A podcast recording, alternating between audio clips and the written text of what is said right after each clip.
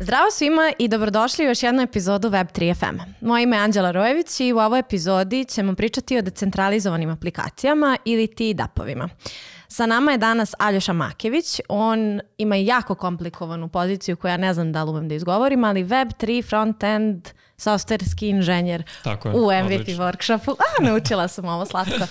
Um, on je danas sa nama da nam ispriča svoje iskustvo u kreiranju dapova i uh, da nas malo više upoti u to kako se oni koriste i koja je razlika između tradicionalnih i decentralizovanih aplikacija. Dobrodošao Aljoša, drago mi je što te vidim.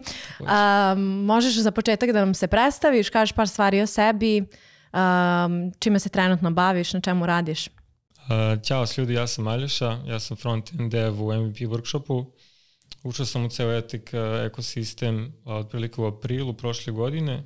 Krenuo sam od NFTizera, uh, što je bio venture koji je radio na svom produktu Airborough. Uh, onda sam prešao aprilu ove godine u MVP, uh, gde sad radim na decentralizovanoj menjačnici. Pored programiranja, takođe sam marketar u Hipspace-u, što je organizacija koja organizuje događaje za, za tech zajednicu, tako da prilično blisko, ali samo sa jednim drugim šeširom. Tako da to je otprilike to. Strava, zvuči mi kao da si vrlo kompetentan da pričamo o ovoj temi. A, Nadam bih da ispričaš jednu anegdotu koju si mi rekao kada, kada sam te pitala da zajedno radimo ovu temu, a to je kako si ti zapravo ušao u Web3 i kakve to veze ima sa decentralizovanim aplikacijama. E, baš mi je drago što si pitala. A, pa moja Web3 priča kreće 2020. godine. Wow. Dobro. Ovo će potreti, šalim se. Uh, moj profa tada, tadašnji, uh, se bavio Web3-em i on je prvi koji mi je rekao za blockchain. I strava stvar koju je tu uradio je to što mi je ispričao prvo ideologiju iza blockchaina i koja je namena i koja je potencijal te tehnologije. Mhm. Tek kasnije sam saznao ono za kripto stranu, koliko je to volatilno, ali opet zanimljivo zbog ono količine para koje se tu vrti.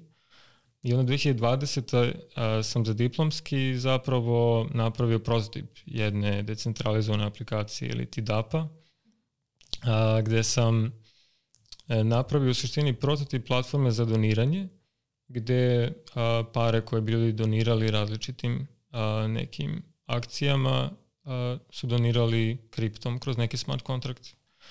Tako da to mi je bio prvi kontrakt i onda nažalost odem par godina u digresiju freelanca i ne bavim se Web3-em uopšte, ali vratim se onda u te vode jer sam shvatio da, da je to nešto što me mami a, i da je to nešto gde mislim da bi mogao da prinesem, tako da ulazim, ulazim u priču aktivno od prošle godine. Strava. A, moram samo da napomenem da mi se jako svidelo ime, to je ovaj... Aj doniraj. Aj, doniraj. Znaš da i dan danas a, plaćam taj domen. Nikada nemoj da ga izgubiš. Neću. Znači imam aj doniraj, imam i doniraj, imam e doniraj. Sve imaš. Tako je. Spremni smo za doniranje. Da. Um, strava. Um, pošto si sad napomenuo kako, ko, koliko zapravo široku svrhu ima, ono, mogu da imaju decentralizovane aplikacije da ti zapravo možda doniraš ovaj, uh, preko njih. Jel možeš da nam ispričaš uh, koja je suštinska razlika između decentralizovanih aplikacija i običnih aplikacija? Ok, vidimo taj prefiks decentralizovane, ali hajde nam objasniš kao šta to suštinski znači. Mhm. Pa Suštinska razlika je ta što decentralizovana aplikacija ima a, svoje podatke i svoju ključnu ono, biznis logiku, ključni deo koda na blockchain. I on se izvršava paralelno na više čvorova ili ti nodova tog nekog blockchaina. I onda samim tim a, što je taj ključan deo aplikacije na blockchainu, može da bude sve, može da bude deo, deo, deo chaina, doćemo do toga, a, ti onda imaš sve benefite same tehnologije te, to je blockchaina Mhm. na kojem je, recimo Ethereum, a, i onda ako imate decentralizovanu aplikaciju na Ethereumu, to jest neki set smart kontrakata koji ste podigli na taj blockchain koji međusobno komuniciraju, imaju neke podatke, rade neke stvari tipa čuvaju sredstva za neku dobrotvornu akciju. A, vi tu imate znači, sledeće benefite. Taj kod je open source i javan i bilo ko može da proveri a, šta se stvarno dešava sa tim sredstvima I sve transakcije na blockchainu su javne, tako da možete vidjeti tačno gde su sve te pare otišle. Takođe, sam Ethereum, to je blockchain kao tehnologija, je jako siguran, tako da ne morate vi kao vi da se bavite time, podaci su imutabilni, to jest ne mogu da se menjaju, ne može ni jedan centralni entitet a, da ih menja, nego kakvi su takvi su po pravilima koja postoje. A, takođe bih dodao da onda vaša aplikacija u suštini nema downtime. To jest ne može, ne može da se desi kao Facebooku da samo padne i da ne -hmm. možete da se ulogujete, nego taj kod je tu, podignut zajedno sa chainom dok god je chain živ. Mm -hmm. A Ethereum je, hvala Bogu, prilično stabilan, tako da vaša aplikacija bi trebalo da je tu zauvek.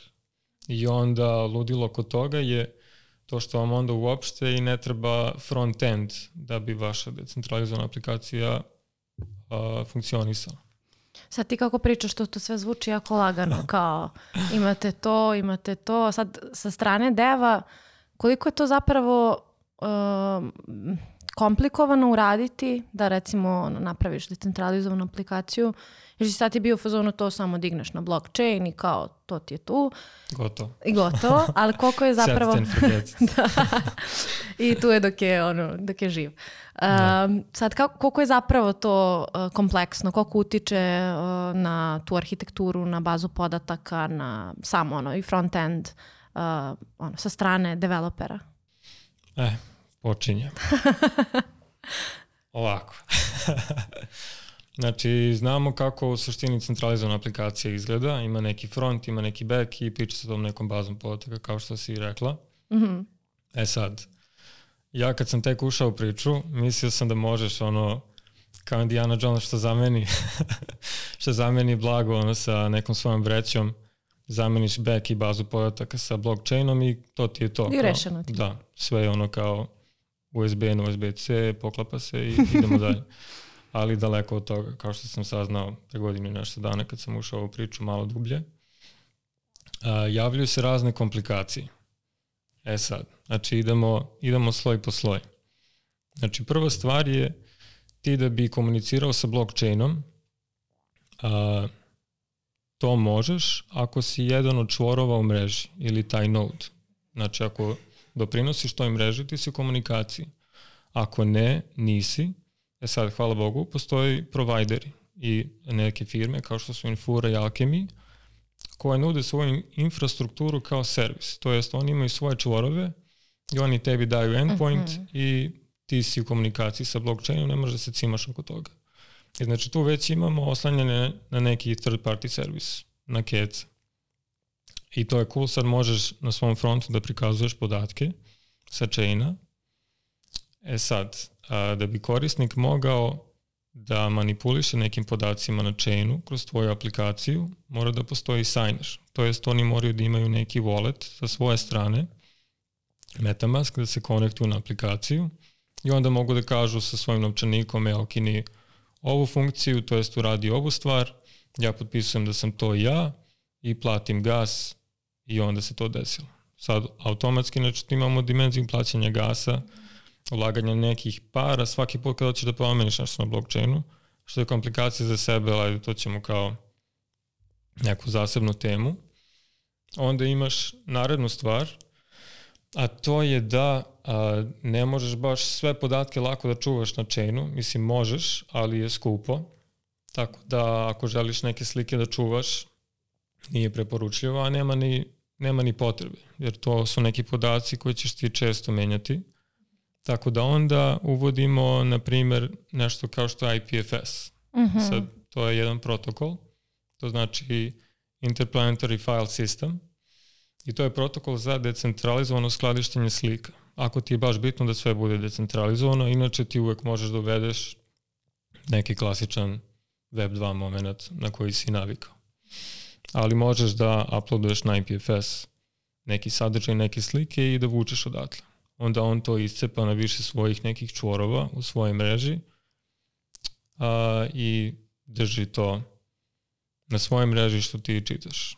E sad, cool stvar kod IPFS-a je, na primjer, to što on skladišti podatke tako što pogleda sam sadržaj slike i napravi neki hash, a, bukvalno na osnovu jednog sadržaja svakog jednog piksela. Uh -huh.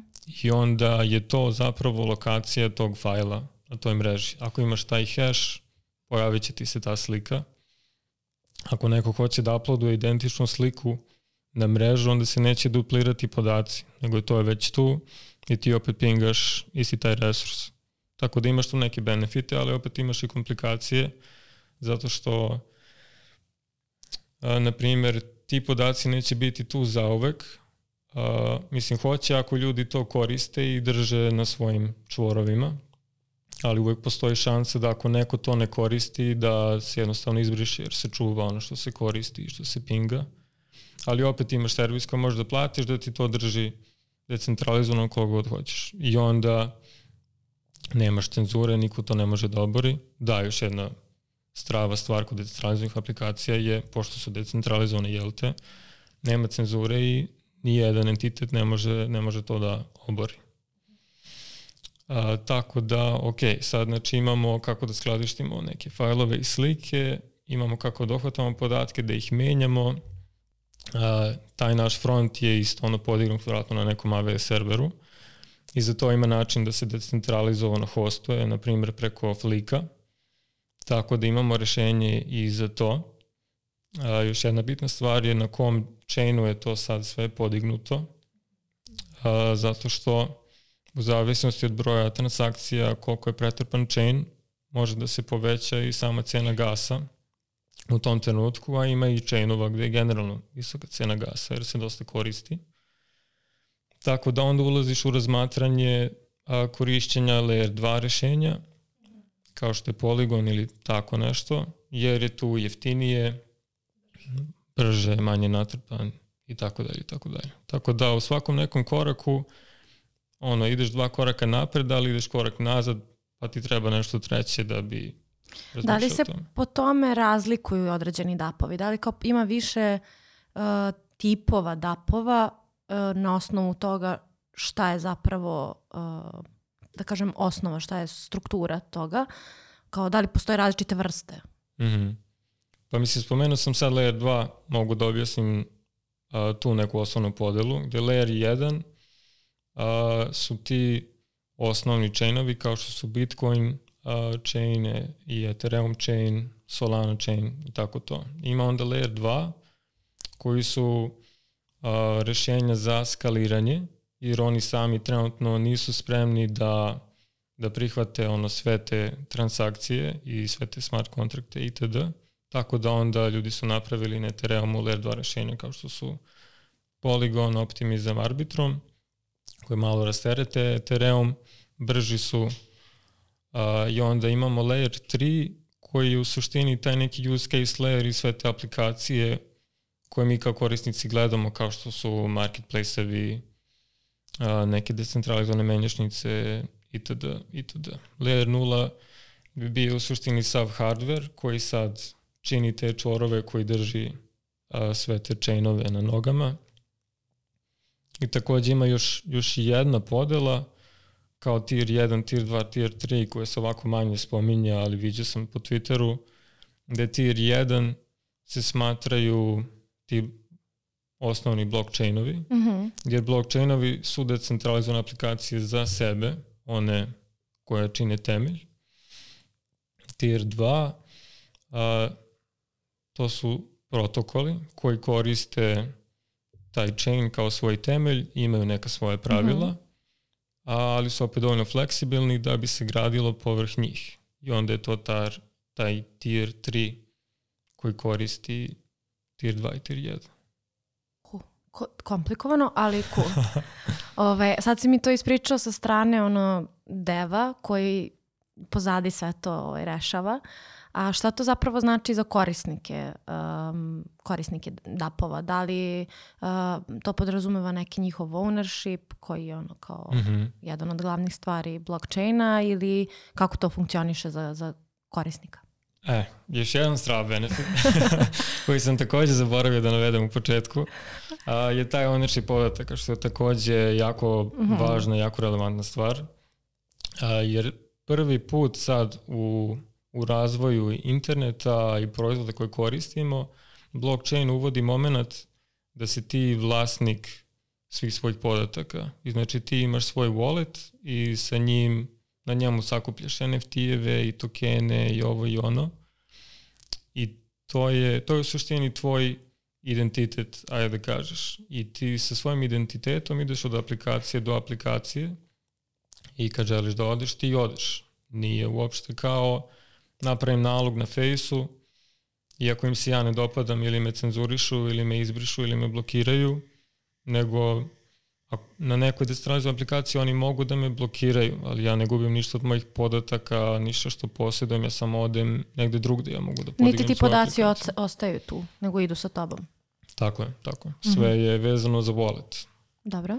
A, tako da je to značajna promjena, pogotovo relevantna sada, na primjer, kad se lancirao Threads, mm -hmm. a, nisu mogli da lansiraju ono što oni zovu u Evropi, misle u Evropskoj uniji, zato što nisu ispoštovali uopšte neke bitne zakone za privatnost i vlasništvo podataka.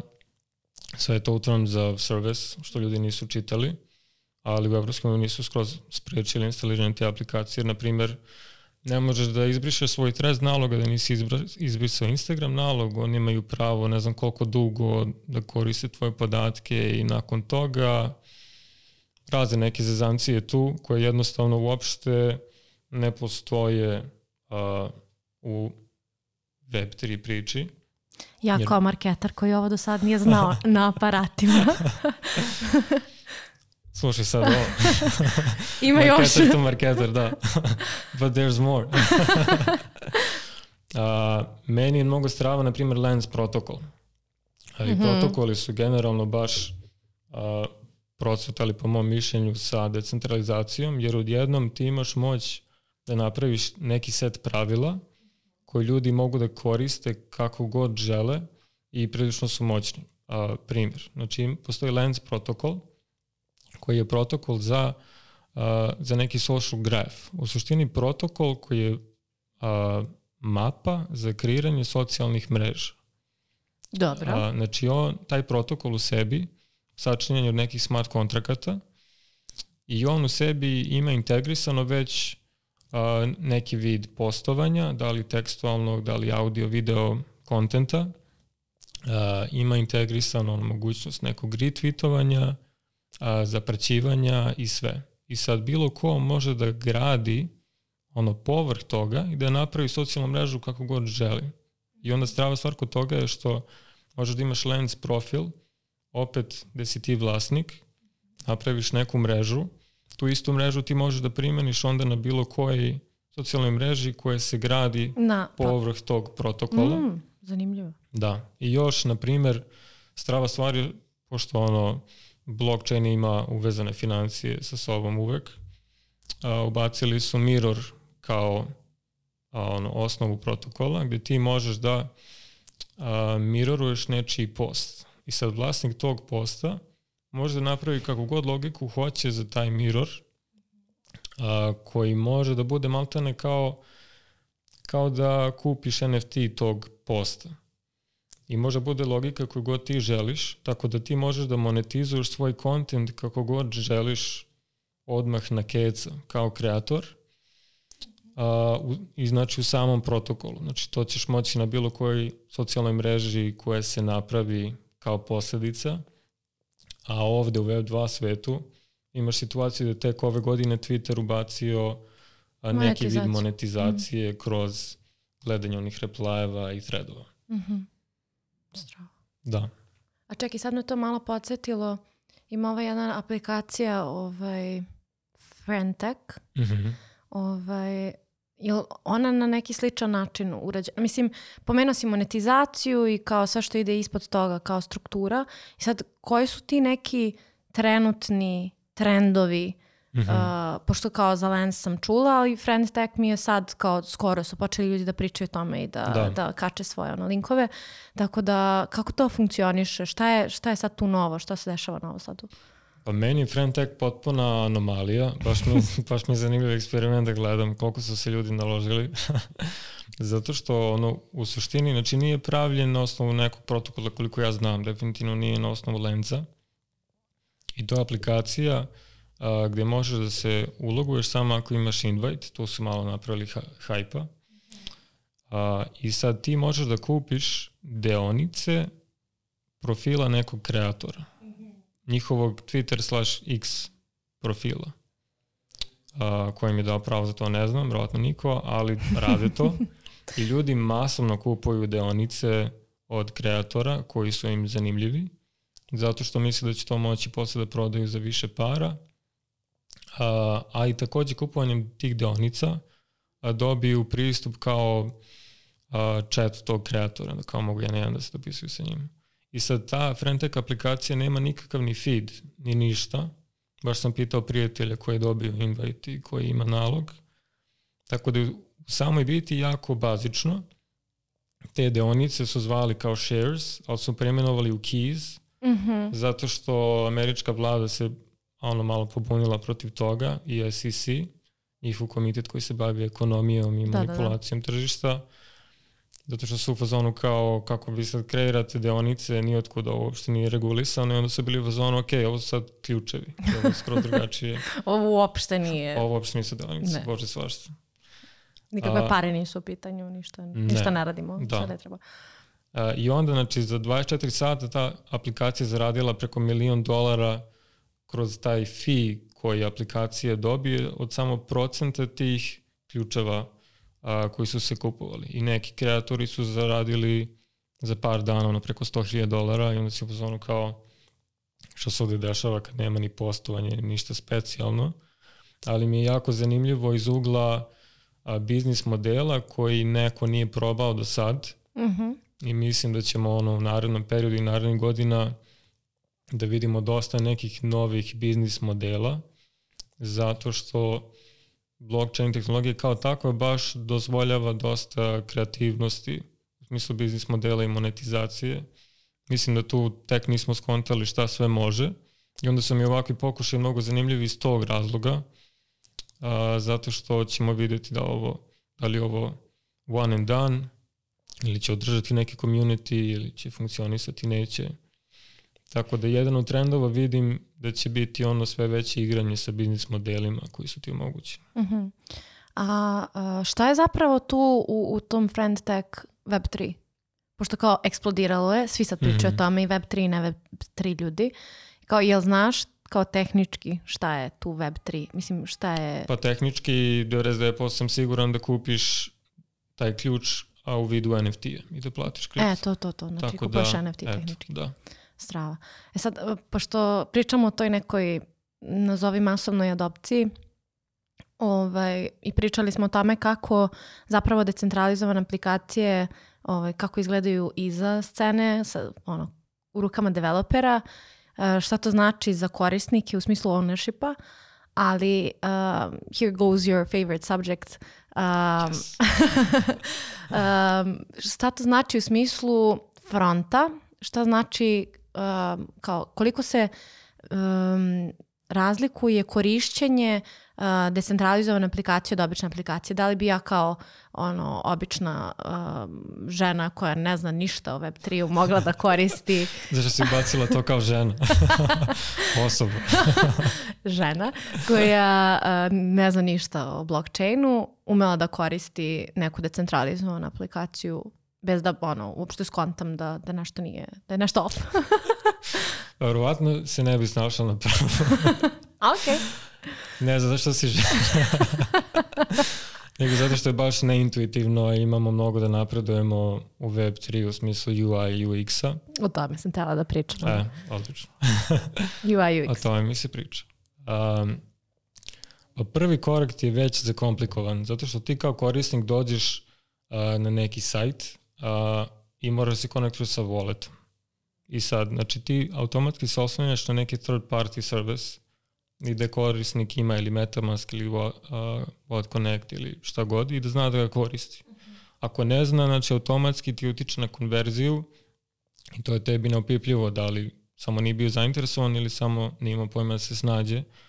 I onda ti, a, hteo ne hteo, sad, pošto si tu ranije, a, imaš odgovornost da onboarduješ korisnike u Web3 generalno.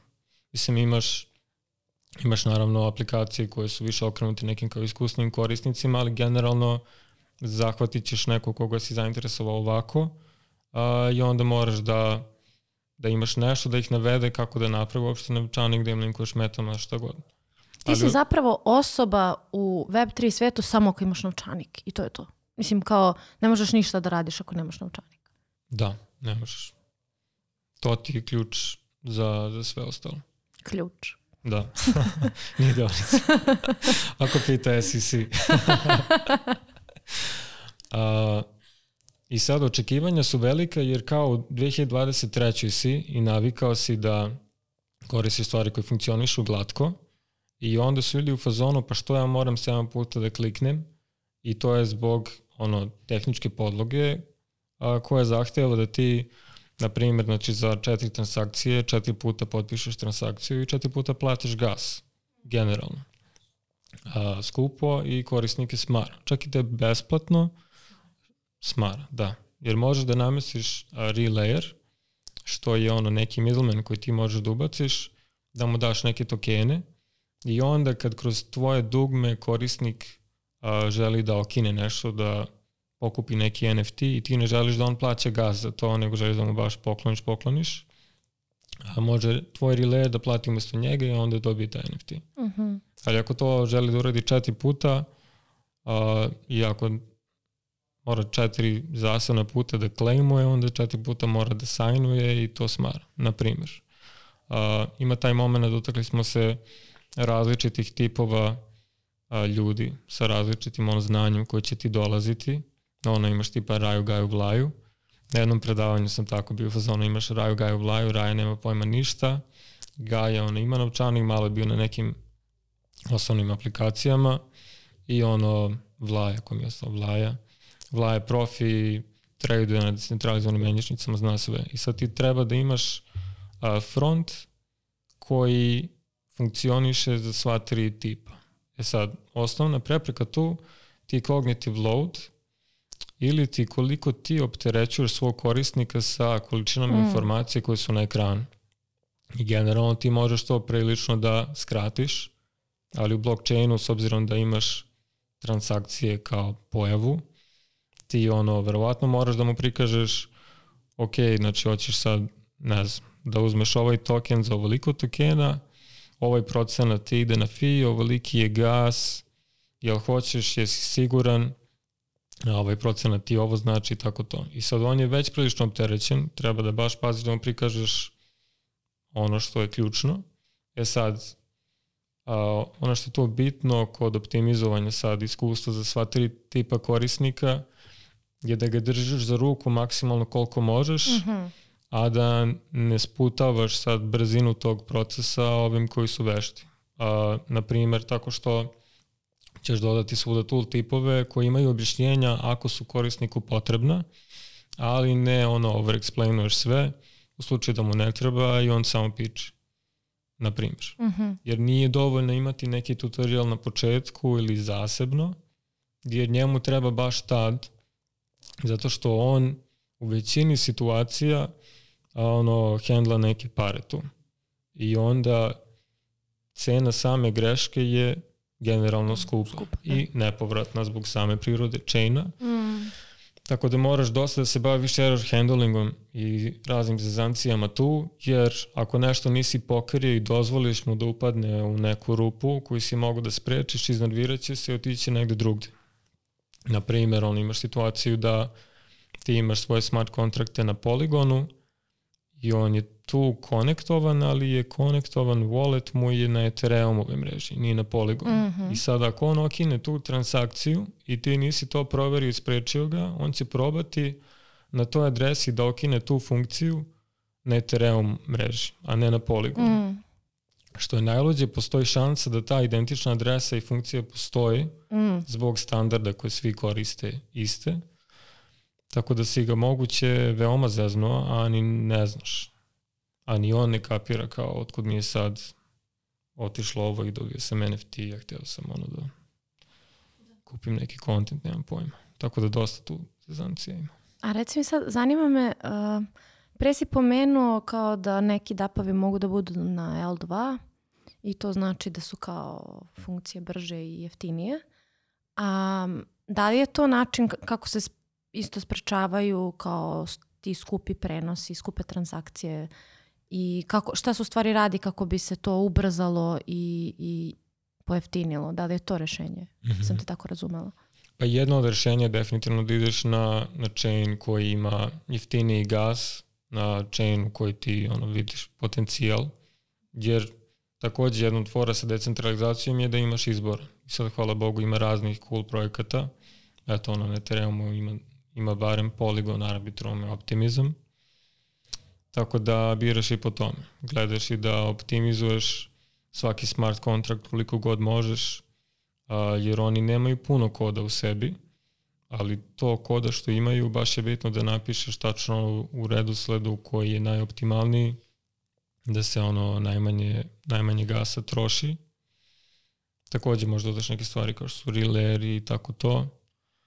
A, ali definitivno se u globalu, ono Web3 dosta radi sad na, na nekim dobrim scaling rešenjima, a, kao što na primer Validium, sad sam već rekao ono 20 nekih sci-fi imena, tako da se nadam da sam dobro rekao Validium, a, što je scaling rešenje na Ethereumu koje gde gledaju, ukoliko sam razumeo da neki deo procesuiranja transakcija a, sklone off-chain i onda da neki deo off-chain stvari komunicira sa chainom, da ga malo rastereti Aha. i trebalo bi onda da može ono 90.000 transakcija se desi po sekundi u odnosu na sad što može kao 15-20, što je strava. Tako da se radi na tome u globalu, ti možeš da paziš na, na svoj kod, da dodeš neki relayer, a ono povrh toga se radi na još nekim standardima kao što je RC 4337, e, da, koji će još više olakšati stvari. Šta je RC 4337? E, drago mi je da si pitao. RS4337 je standard koji ja baš jedva čekam da ono postane neka kao opšta praksa. A, super stvar kod njega je što će pojednostaviti dosta osnovnih stvari koje su sad zeznute oko posjedovanja voleta i korišćenja voleta. U smislu, moći ćeš da imaš social recovery. Uh, I ako zaboraviš svojih 12 reči u mnemoniku, ne mora da znači da si izgubio sva svoja sredstva za uvek, nego neke adrese, to je ljudi koje si izabrao, mogu da kažu da, to je ok, njegovo. je stvarno izgubio, nije mu niko ukrao. Sad kad smo kod krađe mini digresija, ka, kako su hakovali Vitalika pre neki dan na, na Twitteru uh, i onda poslati link gde su ljudi otišli da pokupe neki NFT i ukrali su ljudi preko 700.000 dolara što je baš bez veze, ali se nadovezuje na ono što sam rekao za, za sigurnost chainova, a, za Lens protokol i sve gde u suštini ne bi nikako moglo da se desi da mu je neko hakovao Lens, samo ako mu neko nije hakovao wallet, a wallet ne može da se hakuje, mogu samo da mu ukradu šifru. A ako bi imao ovaj standard, kako se uvezujem, ako bi imao ovaj standard, onda bi njegova ono, tri ortaka mogla da kažu kao ne, okej okay, to jeste Vitalik i kao vratom novčanik. Ali da, znači social recovery, bandlovanje transakcija, nisam sam zašao dubinu koda, ali sam čuo da će moći bandlovanje transakcija, znači više stvari odjednom da platiš. Uh, Ili to onda izađe kao jeftinije jer ne platiš četiri puta gas, nego platiš jedan? Ja pretpostavljam, ali definitivno je manje smaranje. Da, da, da. A, ako znaš da želiš ono pet nekih stvari odjednom da promeniš koje su iste vrste, dvofaktorska autentifikacija, da možeš ono, iako je cena nečega u jednom tokenu, da možeš da platiš u drugom tokenu, tako da to će definitivno dosta pomoći oko masovne adopcije. Mm. A šta je ono iz tvog nekog iskustva dok si radio i na Airbrow i možda je ono i sad trenutno, ovaj, šta su neki ono uh, napori uh, kao u, u, Šta se naj, najviše, na čemu se najviše sad radi što se tiče tipa interfejsa i tu, tog UI UX-a? Kao, uh, šta su neki tvoji, ne znam, ono, tips and tricks, kao mm. kako to izgleda, ne znam, kako, kako, ti, ra, uh, kako ti razmišljaš da olakšaš ljudima korišćenje uh, decentralizovanih mm -hmm. aplikacija? Pa na Airbrow, pošto smo pravili ne, nešto što nismo videli do sad i flow je bio malo drugačiji, jer suština proizvoda je bila ta, mislim i dalje live, samo se više ne radi aktivno na tome, airbro.xyz, ako neko hoće da napravi kampanju a, iz Azancije.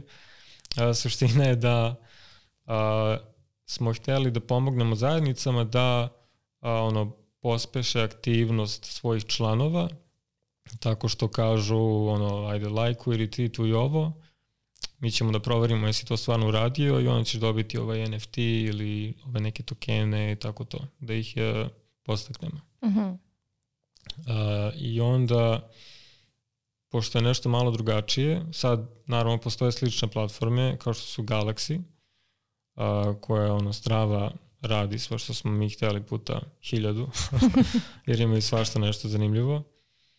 Uh, dosta smo morali da overexplainujemo svaki korak i dosta smo razmišljali o error handlingu koji sam spominjao u smislu da im nikako ne dozvolimo da se zezonu slučajno tako što su na drugoj mreži, tako što Aha.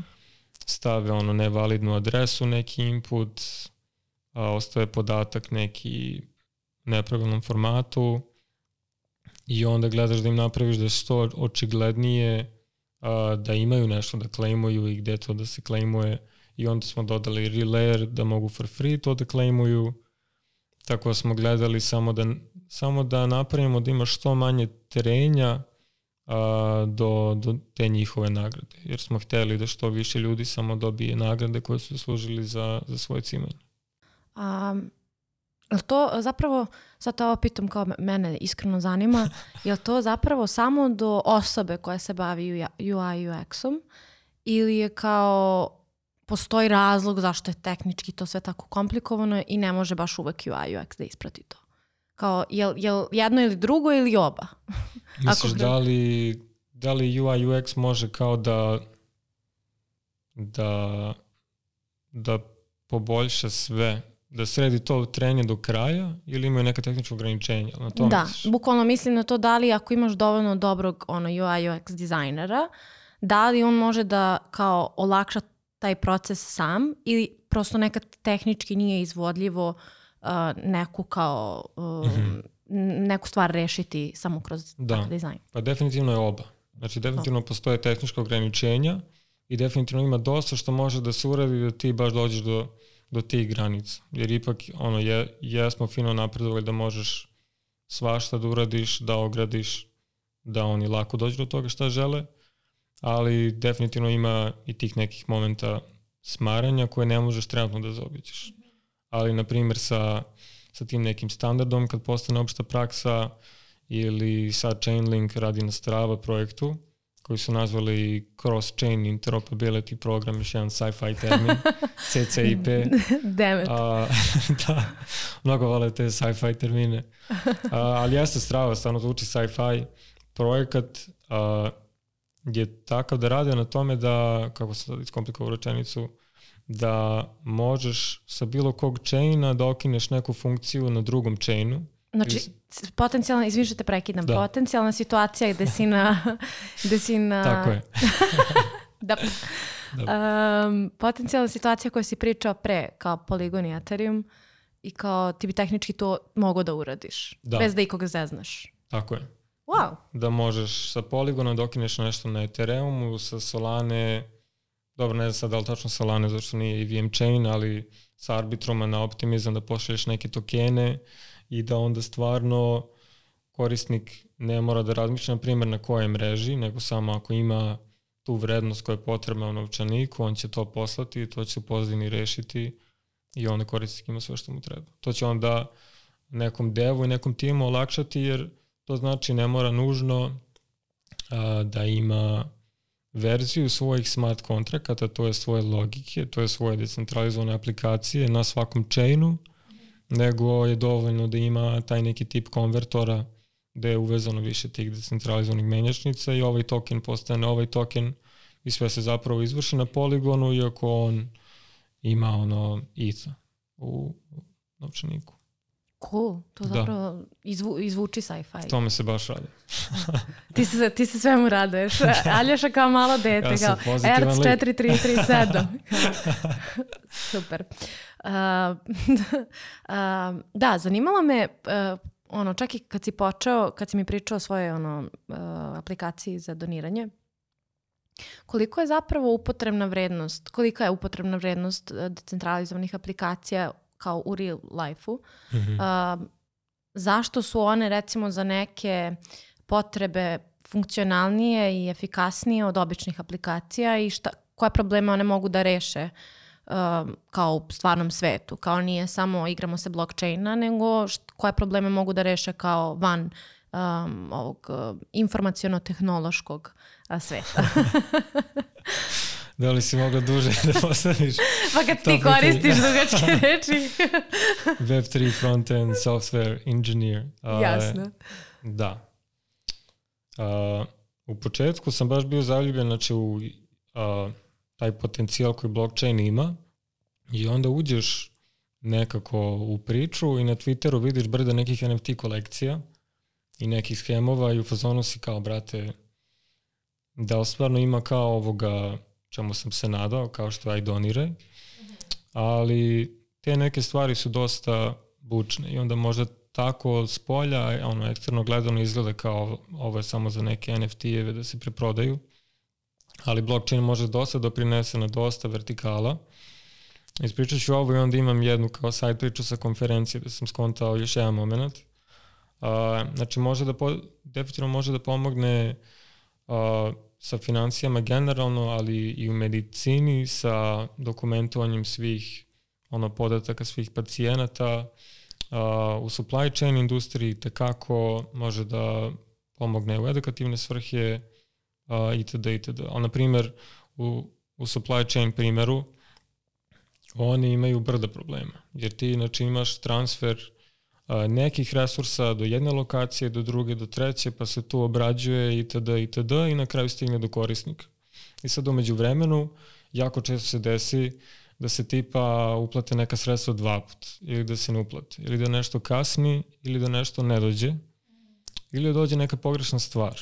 I sad to će se dešavati pa će se dešavati, ali pratiti to ono u realnom vremenu je neprocenjivo. I sad ako bi sve, sve to prenalo na blockchain, na neki ono univerzalni način dokumentovanja, ti bi mogao u realnom vremenu da pratiš šta se dešava, šta se desilo i gde su problemi. A ovako si relativno slep i ta industrija definitivno gubi dosta novca na godišnjem nivou zbog tih nekih problema. I tu bi blockchain a, bio zicar. Tako da se radi na implementaciji toga. Samo je jako kompleksno jer se tu mnogo stvari kombinuje. A, a na primjer ovog februara kad sam bio na NFT Paris konferenciji, a, baš sam generalno u tom periodu video ono više tih nekih kao random NFT projekata, naravno ima i strava NFT projekata, ali ima nekih ono koji samo šiluju, prodaju svoje da bi zaradili nešto na brzaka, vidio sam da se neki skemova.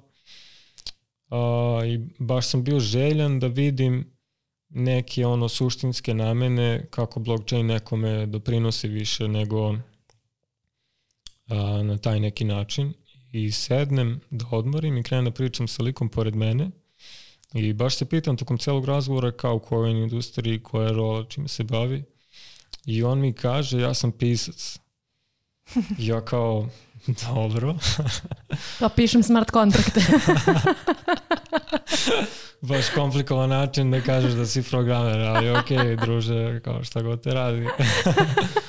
kaže, došao iz Nemačke, kao sve više više mislim da je dev. Uh, ali kaže mi da je pisac i da piše poeziju